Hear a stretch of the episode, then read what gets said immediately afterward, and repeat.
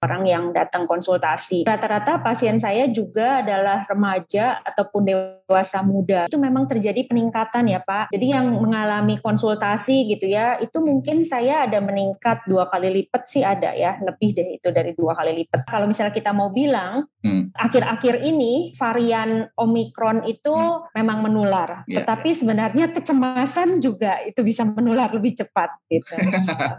Oke. okay.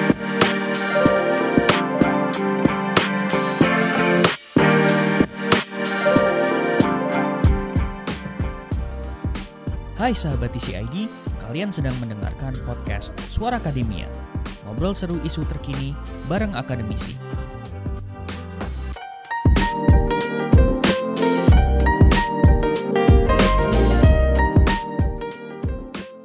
Selamat pagi para pendengar, para pemirsa program Suara Akademia The Conversation bertemu kembali dengan saya Ahmad Nur editor Sains dan Kesehatan. Kali ini kita akan berbicara dengan Ibu Eva Suryani, Ibu Eva ini adalah dokter dan psikiater dari Fakultas Kedokteran dan Ilmu Kesehatan Universitas Atmajaya Jakarta. Ibu Eva ini udah sering menulis di The Conversation tentang kesehatan jiwa yang selama pandemi ini kita melihat masalah ini meningkat dan saya kira ini perlu menjadi perhatian kita bersama baik dalam konteks individual maupun dalam konteks komunitas di masyarakat. Karena apa? Karena kesehatan mental juga akan mempengaruhi kesehatan fisik. Sebaliknya juga kesehatan fisik juga mempengaruhi kesehatan mental. Dalam program ini di Suara Akademia. Anda bisa mendengarkannya setiap hari Kamis. Kita terbit secara rutin pada hari itu. Kita kali ini akan berbincang-bincang dengan Ibu Eva tentang kesehatan mental. Karena Bu Eva ini ahli di bidang itu dan baik sebagai dosen, sebagai dokter maupun sebagai peneliti untuk kesehatan mental. Selamat pagi Ibu Eva Suryani, apa kabar? Selamat pagi Pak Nur Hasim dan juga rekan-rekan pendengar. Saya kabar baik, mudah-mudahan rekan-rekan sekalian juga dalam keadaan sehat ya dan juga dalam dalam keadaan salam sehat jiwa sih. Ibu, kita akan membicarakan tentang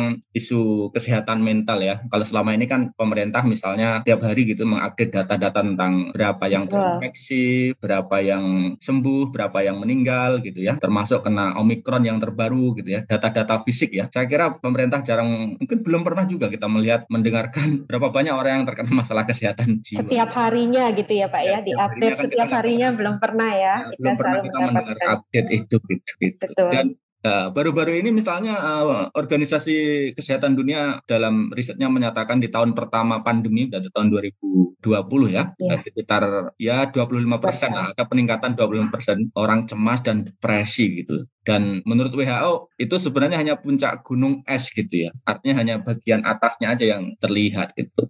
Bagaimana Ibu melihat data yang disampaikan oleh WHO ini, Bu? Terima kasih Pak Nur Hasim. Jadi memang seperti tadi disampaikan bahwa aspek mental gitu ya, ini masih belum menjadi perhatian yang sama besarnya atau sama pentingnya dengan aspek fisik sering kali karena ini penyakit fisik. Jadi yang hanya dilihat adalah aspek secara fisik saja. Padahal kedua-duanya ini bisa saling mempengaruhi. Dan fenomena gunung es tadi bisa terlihat bahwa eh, COVID-19 ini dapat berdampak bagi kesehatan fisik juga kesehatan jiwa gitu ya. Jadi yang terjadi sebenarnya itu lebih parah gitu ya. Jadi lebih dari 25 persennya gitu ya. Saya mungkin menjawab pertanyaan ini dengan suatu data dari yang data yang survei yang dilakukan oleh Perhimpunan Dokter Spesialis Kedokteran Jiwa gitu ya. Di mana ada suatu survei dilakukan lima bulan setelah pandemi COVID-19 di Indonesia ini ada 4.010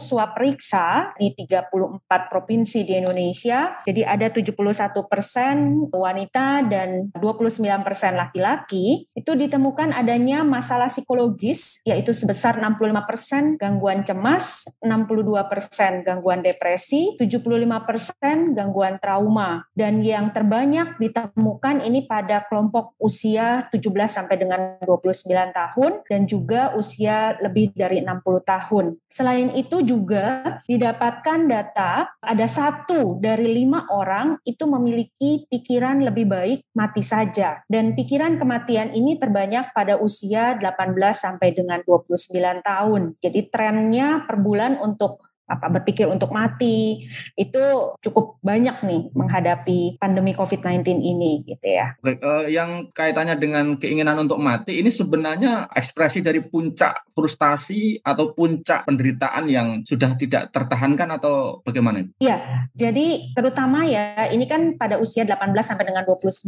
tahun. Jadi memang dari mereka berpikirnya adalah kalau misalnya dalam praktek sehari-hari pun saya temukan karena tidak memiliki solusi gitu ya dan tidak bisa beradaptasi dengan keadaan yang ada, ya akhirnya adalah respon atau cara-cara yang sifatnya reaktif gitu, hmm. Pak. Kalau menurut Ibu sendiri nih, mengacu pada data itu, mungkin uh, bisa terkonfirmasi juga di lapangan di klinik Ibu tentang selama pandemi ini katakanlah mungkin jumlah harian atau mingguan orang yang konsultasi kaitannya dengan masalah uh, kesehatan jiwa ini signifikan atau kurang signifikan peningkatannya? Kalau di dalam praktek sehari-hari itu memang terjadi peningkatan ya Pak. Jadi yang mengalami konsultasi gitu ya, itu mungkin saya ada meningkat dua kali lipat sih ada ya, lebih dari itu dari dua kali lipat itu orang yang datang konsultasi. Rata-rata pasien saya juga adalah remaja ataupun dewasa muda. Pada dewa, uh, remaja dan dewasa muda ini, akhirnya mereka memang konsultasi ya menghadapi memang stresornya yang menjadi stres gitu ya, penyebab stresnya itu adalah terkait dengan banyak faktor ya gitu. Tapi yang menjadi salah satu pencetus juga ini terkait dengan situasi pandemi ini. Jadi memang nih Pak, kalau misalnya kita mau bilang hmm. akhir-akhir hmm. ini varian Omikron itu hmm. memang menular, yeah. tetapi sebenarnya kecemasan juga itu bisa menular lebih cepat. Gitu. Oke, okay. jika orang mengalami kesehatan mental dan jika dia terinfeksi gitu, apakah dia membutuhkan perawatan yang lebih intensif atau resiko kematian lebih besar dibanding yang tidak mengalami masalah kesehatan jiwa. Oh, oke. Okay. Jadi sebenarnya sih kalau orang yang ada ada masalah kesehatan secara fisik, terus ditambah lagi ada masalah kesehatan jiwa, itu bisa memperberat gitu ya, bisa memperberat karena uh, soal kooperatifnya terhadap pengobatan sih Pak biasanya tuh yang lebih uh, problem karena misalnya uh, dia kan membutuhkan misalnya untuk minum obat terapi dengan baik gitu ya. Nah, eh, kepatuhannya misalnya atau kooperatifnya terhadap pengobatan atau saran-saran yang perlu dilakukan itu bisa jadi eh, akhirnya tidak dilakukan eh, dan ya itu proses penyembuhan secara fisiknya pun jadi eh, bisa problem. Itu bukan ya yang dimaksud? Oh, berarti di, di level itunya ya, di level apa namanya? Hmm, perilakunya ya. Artinya dia menerima yeah. saran pengobatan tapi dia sendiri nggak lakuin gitu. Tidak, tidak melakukan atau ogah-ogahan gitu ya. Uh, uh, jadi di behaviornya itu gitu karena termasuk sebenarnya di di level mindsetnya juga bisa jadi ah enggak kok saya baik-baik aja kepatuhan untuk ininya juga sih pak satu hal lagi mungkin yang saya belum sampaikan itu adalah terkait dengan uh, ini saya tuh bisa membahayakan diri saya sendiri hmm. saya ini juga bisa membahagia, membahagiakan orang lain gitu loh. Hmm. Karena kan bisa seperti itu kan, karena ini uh, penularan gitu ya. Jadi, jadi apakah saya perlu melakukan deteksi, pemeriksaan? Ah enggak lah, udah saya jadi tidak jujur juga gitu kan. Nah itu juga kan yang bisa OTG OTG ini bisa banyak juga kan gitu. Nah iya. orang-orang dengan seperti itu bisa ya menularkan menularkan perilakunya juga ya terutama yang berdampak itu kan sebenarnya adalah attitude-nya hmm. perilakunya itu yang bisa menimbulkan suatu uh, bahaya gitu ya jadi itu yang lebih besar kalau yang terakhir kaitannya dengan itu Bu, uh, saya ingin menghalik soal Ibu katakan tentang uh, keinginan untuk mengakhiri hidup yang tadi mengakhiri hidup atau mungkin katakanlah bunuh diri sebenarnya ya. Iya. Kalau menurut Ibu ini tadi mungkin berpikir cekak atau berpikir reaksioner gitu-gitu. Apa yang uh, perlu dilakukan ketika orang mengalami fase itu? Di satu sisi saya mengapresiasi ya. Jadi banyak juga uh, remaja yang datang pada saat konsultasi ke tempat saya itu mereka datang sendiri loh Pak. Ya. Jadi bukannya datang uh, didampingi oleh orang tua gitu. Bahkan mereka saat saya tanya mereka bilang orang tuanya nggak tahu gitu. Saya hmm. bilang lah kalau begitu kamu saya, saya yang pertama adalah yang saya lakukan adalah saya mengapresiasi mereka bahwa mereka mau datang konsultasi mencari pertolongan. Itu saya katakan terhadap mereka. Bahwa bilang, saya bilang bahwa adek ini adalah langkah yang tepat. Kamu mau melakukan konsultasi dan kamu tidak sendirian. Saya bilang gitu. Yeah.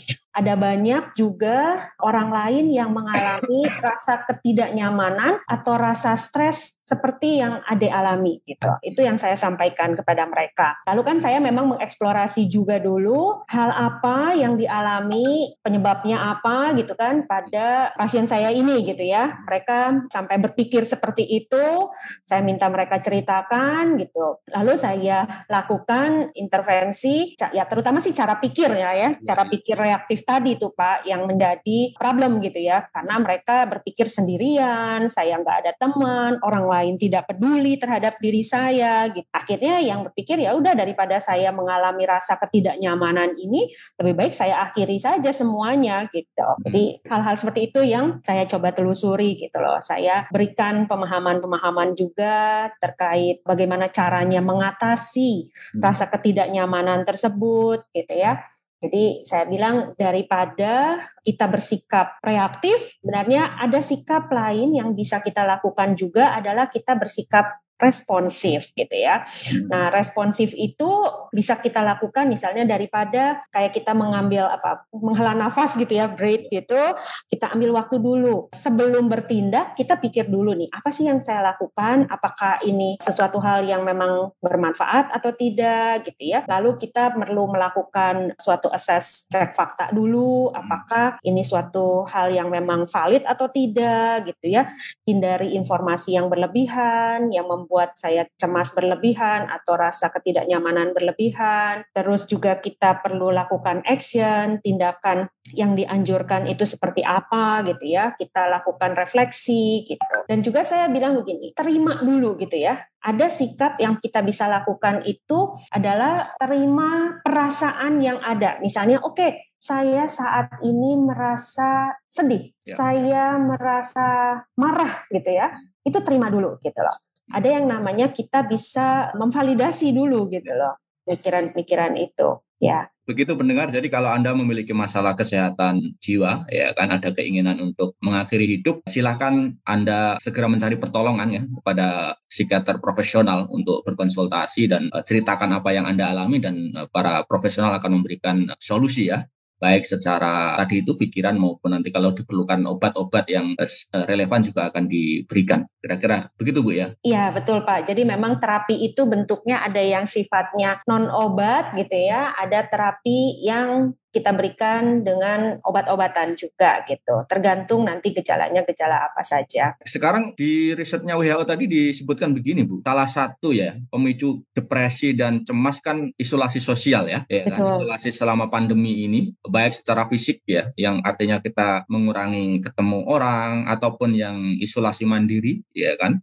selama mungkin dua minggu atau sekarang diperpendek lagi. Dan juga mungkin juga karena apa namanya orang juga tidak mau ketemu kita juga kan gitu kan. Semuanya online kayak seperti sekarang ini. Dan itu secara fisik ya. Tapi juga ada secara ekonomi mungkin orang takut di PHK atau takut kehilangan pendapatan karena perusahaan yang tempat kerjanya terus menurun gitu. Dan ada mungkin banyak-banyak juga hal ketakutan yang lain. Kalau kaitannya dengan isolasi kan ini sebenarnya di satu sisi isolasi atau menjaga jarak itu kan dianjurkan untuk mengurangi resiko penularan. Tapi di sisi yang lain itu bisa meningkatkan eh, resiko depresi dan kecemasan. Bagaimana kita menjelaskan katakanlah jalan tengah gitulah ya, mengimbangi gitu. Di satu sisi kita tidak meningkatkan resiko tertular, di satu sisi juga tidak eh, meningkatkan resiko stres. Bagaimana caranya kira-kira? Oke, okay. jadi menghadapi situasi ketidaknyamanan itu, kita memang bisa merasakan yang namanya stres ya. Jadi tadi itu disinggung-singgung bahwa pandemi COVID-19 ini memang peristiwa traumatis ya. yang bisa dialami oleh setiap orang gitu ya. Dan stres ini dapat terjadi pada orang yang mengalaminya dan bisa berakibat negatif baik pada kesehatan fisik maupun jiwa gitu ya. Dan stres ini tentunya tidak dapat dihindari. Itu bagian dari hidup manusia, tapi stres ini dapat dikendalikan sehingga dampak negatifnya itu bisa dihindari gitu ya. Jadi ada pemikiran atau quotes dari salah satu ini Maureen Kiloran mengatakan stress is not what happened to us, it's our response to what happens. And respond is something we can choose. Jadi stres bukan sesuatu yang terjadi pada diri kita, tetapi itu adalah respon kita terhadap sesuatu yang terjadi. Dan respon tersebut adalah sesuatu yang dapat kita pilih. Jadi tadi saya sampaikan juga stres itu tidak selalu negatif ya. Jadi ada stres yeah. positif, ada stres negatif gitu ya. Ini yang disebut dengan distress gitu ya. Dan bagaimana kita bisa mengelola Stres ini adalah sesuatu yang penting. Jadi penting bagi kita untuk mengenali gejala-gejala stres gitu ya. ya. Gejala stres itu ada gejala yang sifatnya gejala kognitif, baik misalnya orang kok uh, saya mulai susah konsentrasi ya hmm. gitu. Kok kayaknya saya melihat sesuatu tuh dari sudut pandang yang negatif terus gitu. Ya, ya. Kenapa saya ada gangguan memori? Kenapa saya jadi cemas terus-menerus gitu ya. Nah, lalu ada juga gejala secara fisik. Secara secara fisik itu misalnya orang mengeluh sering sakit kepala ya gitu. Kenapa saya jadi berdebar-debar? Kenapa saya biasanya ada keluhan-keluhan nyeri lambung yang meningkat gitu ya, ada mual gitu ya, masalah gangguan pencernaan lah gitu, atau gatal-gatal gitu ya, itu juga bisa. Selain itu ada gejala lainnya yaitu gejala emosi. Kok kayaknya sekarang saya jadi depresi kah, jadi mudah baper gitu ya. Mm-hmm. Lalu saya juga jadi gelisah, nggak bisa tenang, merasa sendirian atau terisolasi, itu gejala emosinya. Bisa juga gejala perilaku. Gejala perilaku itu jadi misalnya mengalami insomnia, susah tidur, tidur, saya menghindari sosialisasi gitu ya. Tadi sih memang ini kalau pandemi kan memang nggak sosialisasi, tapi sosialisasi kita sekarang bisa memanfaatkan misalnya teknologi komunikasi via Zoom mau pakai hmm. Google Meet, pakai Teams dan lain-lain gitu ya banyak atau WhatsApp call gitu itu juga Skype gitu ya itu bisa. Lalu gejala perilaku lainnya bisa ada selera makan, gangguan selera makan bisa jadi meningkat atau menurun. Bisa jadi ada prokrastinasi atau menunda-nunda pekerjaan, menunda-nunda hmm. tanggung jawab ya atau perilaku berbahaya misalnya seperti menggunakan alkohol berlebihan,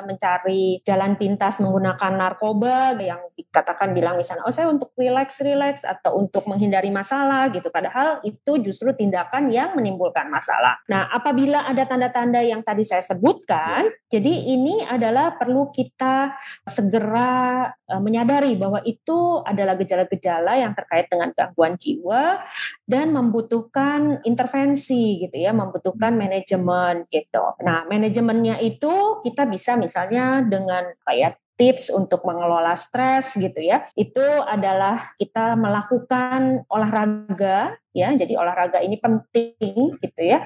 Olahraga teratur setiap hari 30 sampai 45 menit. Kita pola hidup sehat ya, makan makanan yang sehat dan bergizi gitu ya. Tidur juga cukup 6 sampai 8 jam. Jadi bukan berlebihan juga tidurnya karena hmm. ah sekarang WFH atau ya. belajar dari rumah gitu ya. Hmm. Akhirnya kita jadi banyak tidur gitu. Nah, ini juga salah. Atau main games berlebihan. Nah, ini juga sesuatu atau nonton YouTube berlebihan gitu ya. Nah, ini juga sesuatu hal yang salah ya. Lalu kita coba untuk mempunyai pikiran-pikiran atau sudut pandang yang positif terhadap berbagai hal. Jadi segala sesuatu sekalipun kita misalnya ketemu masalah, bukan hal tersebut kita lihat dari sisi negatifnya, tapi kita bisa melihat ini sebagai suatu peluang atau challenge gitu ya. Lalu kita perlu punya tetap memiliki teman atau komunitas yang suportif ya. Karena manusia ini makhluk sosial walaupun memang ada isolasi tapi yang tadi saya sudah sampaikan juga bahwa kita tetap bisa uh, connect kok gitu dengan memanfaatkan teknologi yang ada. Dan yang tidak kalah pentingnya adalah beribadah dan berdoa ya. Ini juga kita akan lebih tenang kita jauh dari stres. Jadi ada strategi nih Pak terkait bagaimana kita menghadapi stres. Jadi ada strategi yang namanya 4A. Yang pertama itu adalah avoid atau kita menghindari. Jadi kalau kita bisa untuk menghindari stresor yang kita, sesuatu hal yang menyebabkan kita stres itu kita bisa hindari itu baik gitu ya. Tapi kan kalau pandemi nih ini memang ya kita alami semua gitu kan.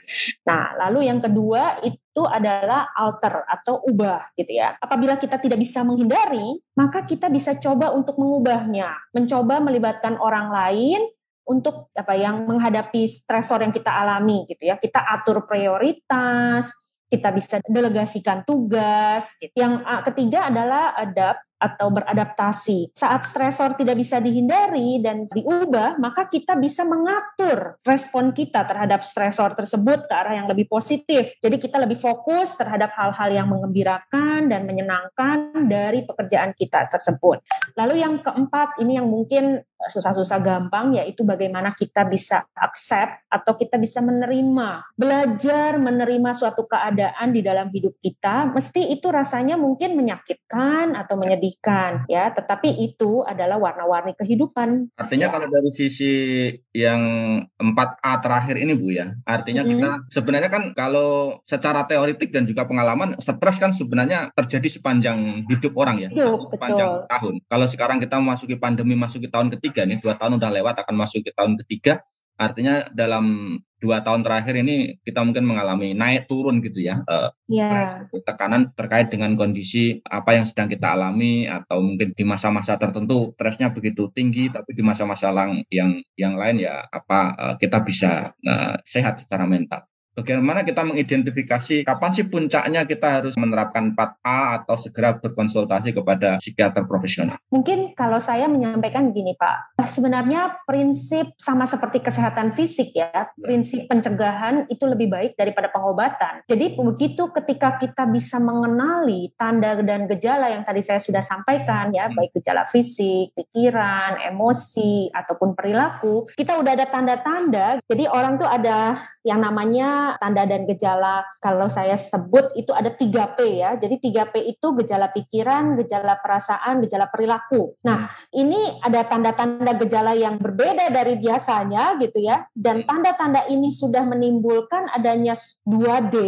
2D hmm. itu adalah distress dan disability, jadi sudah menimbulkan penderitaan, stres yang negatif tadi, juga ada menimbulkan ketidakmampuan. Nah, itu harus segera untuk segera konsultasi. Karena saya mau bilang begini, perubahan itu dimulai dari diri kita. Kita tidak bisa menuntut orang lain untuk melakukan perubahan atau keadaan yang ada ya diri kita sendiri juga yang mesti beradaptasi. Jadi karena dan kita yang paling tahu kondisi diri kita. Kita bisa menggunakan topeng, kita bisa bilang enggak saya baik-baik aja gitu. Tapi kan badan tetap berespon gitu ya terhadap stres gitu. Kita tahu rasa ketidaknyamanan gitu. Nah, tapi setiap orang memang punya batasan lah ya gitu ya. Sampai kapan sih gitu loh saya bisa menghadapinya atau sampai kapan saya sudah tidak mampu menghadapinya gitu. Jadi hmm. prinsip uh, saya mengetahui, saya jujur lah gitu loh kalau iya. misalnya mau pakai kata singkatnya sih jujur pada diri sendiri. Ketika ada perasaan ketidaknyamanan itu, ya lakukanlah segera konsultasi, nggak ada salahnya kok. Kalau waktu awal-awal gejala masih ringan, hmm. dokter psikiater gitu ya misalnya, hmm. itu pun akan memberikan treatment ya mungkin belum tentu dengan obat gitu, tapi cukup dengan secara psikoterapi gitu ya.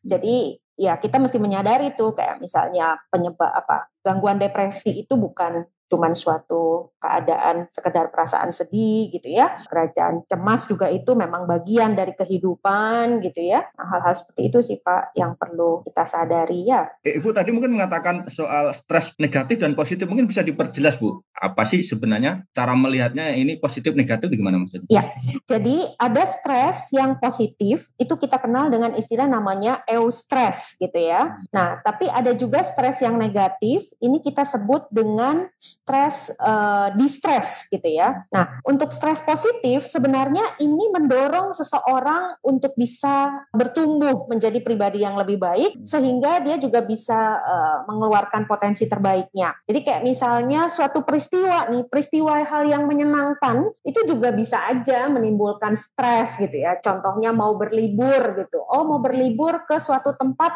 yang saya udah tahu kondisinya itu bakalan tidak menyenangkan buat saya gitu. Padahal temanya adalah liburan gitu ya. Nah, itu kan kalau stres itu ada, itu sesuatu yang wajar gitu. Hmm. Nah, tapi bagaimana caranya orang menghadapi stres itu biasanya kan orang melakukan antisipasi gitu. Oke, okay. atau mahasiswa ketika cemas gitu ya menghadapi ujian. Kalau nggak ada rasa cemasnya mungkin nggak kepengen belajar juga kali ya. Nah, tapi karena oke okay, saya cemas nih gitu, bahannya banyak gitu ya, saya hmm. perlu prepare sesuatu, saya perlu mempersiapkan diri, belajarnya nyicil gitu kan. Nah, itu adalah stres yang sifatnya positif. Tapi stres itu bisa berubah menjadi stres yang negatif. Nah, stres yang negatif ini ketika seseorang tidak memiliki mengadaptasinya itu tidak mengelola stres yang ada dengan baik gitu. Ketika seseorang sudah tidak bisa beradaptasi dengan stres itu sehingga memunculkan ada berbagai masalah psikologis yang bisa menyebabkan terganggunya fungsi dan juga produktivitas gitu. Jadi adanya distress dan disability itu kita udah katakan orang dengan gangguan jiwa gitu ya atau disingkat dengan ODGJ. Kalau orang dengan masalah kejiwaan saja itu belum tentu ODGJ gitu ya. ya, ya. Jadi orang dengan baru ada simptom-simptomnya aja tapi mungkin dia masih bisa beradaptasi. Begitu Pak? Oke Bu, uh, kalau dari sisi data WHO tadi, menyambung data WHO Bu ya, mm -hmm. itu kan yang paling banyak uh, terkena menurut laporan WHO adalah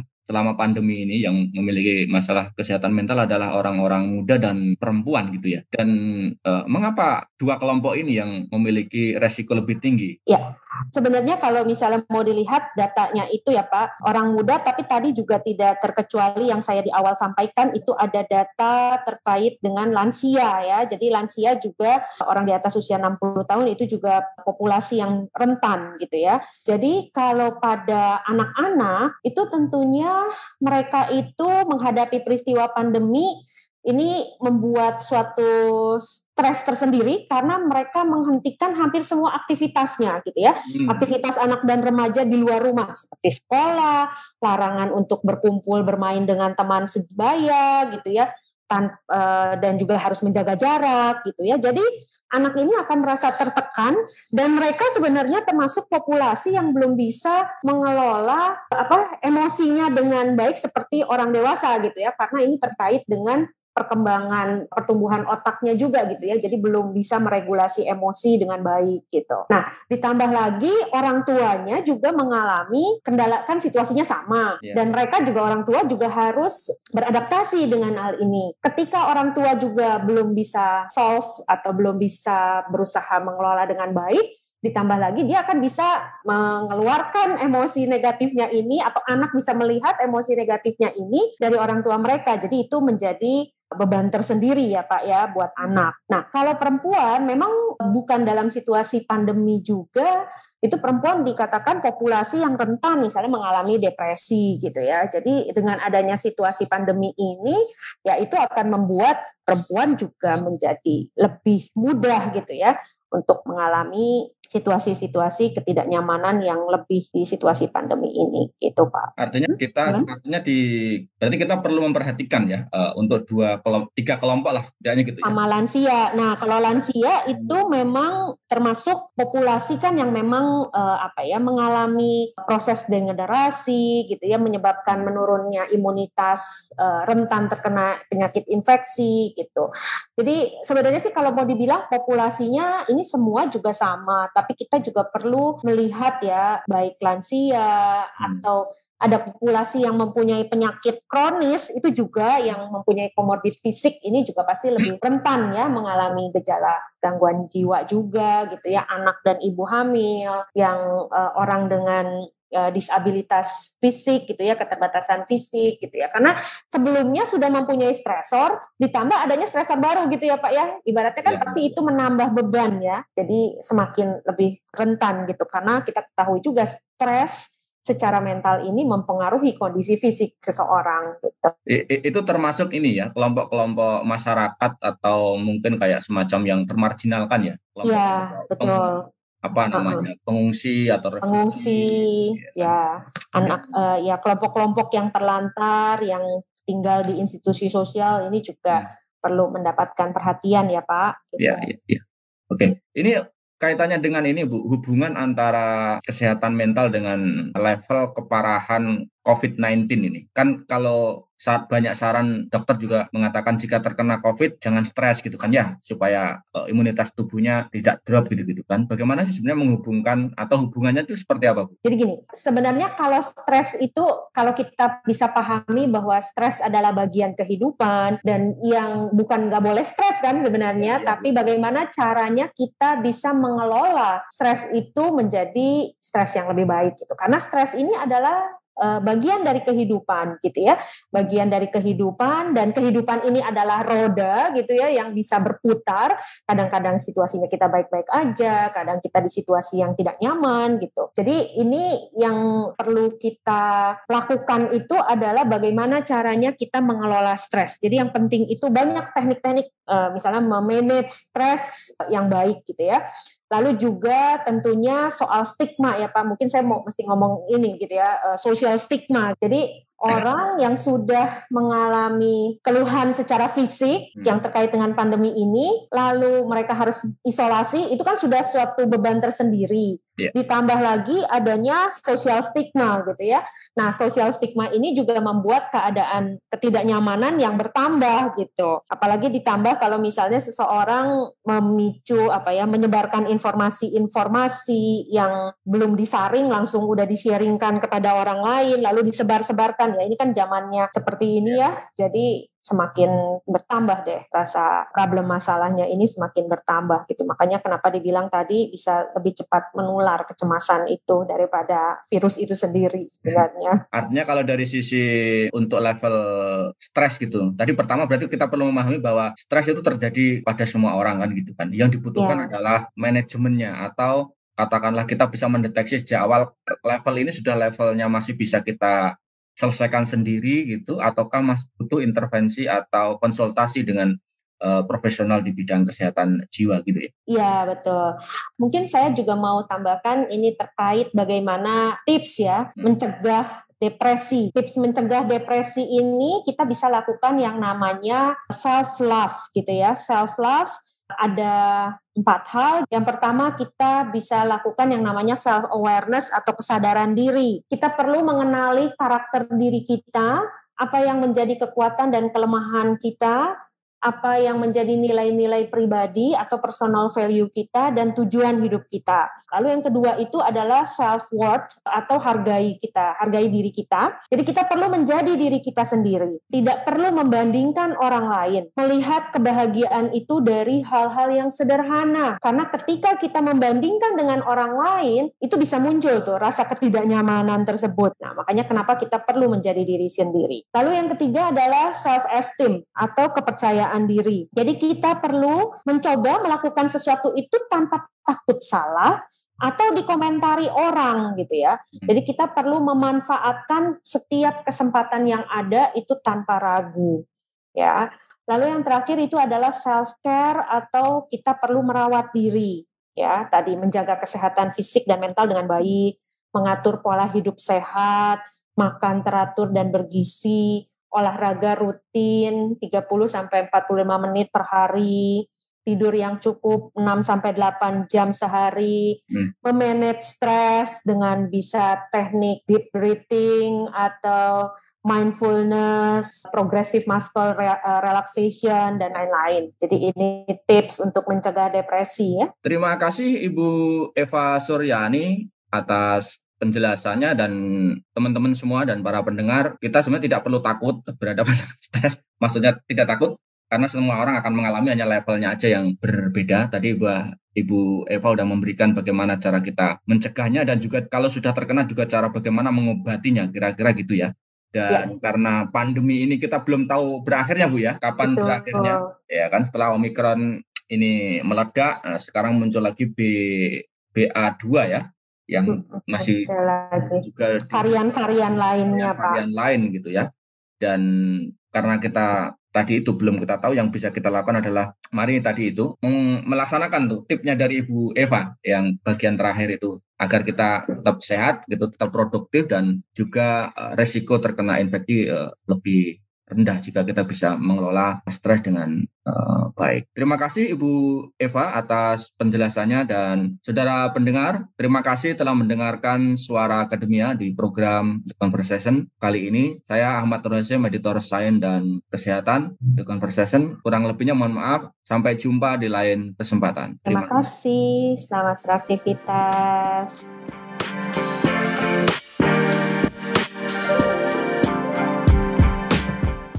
Kalian telah mendengarkan podcast Suara Akademia, ngobrol seru isu terkini bareng akademisi.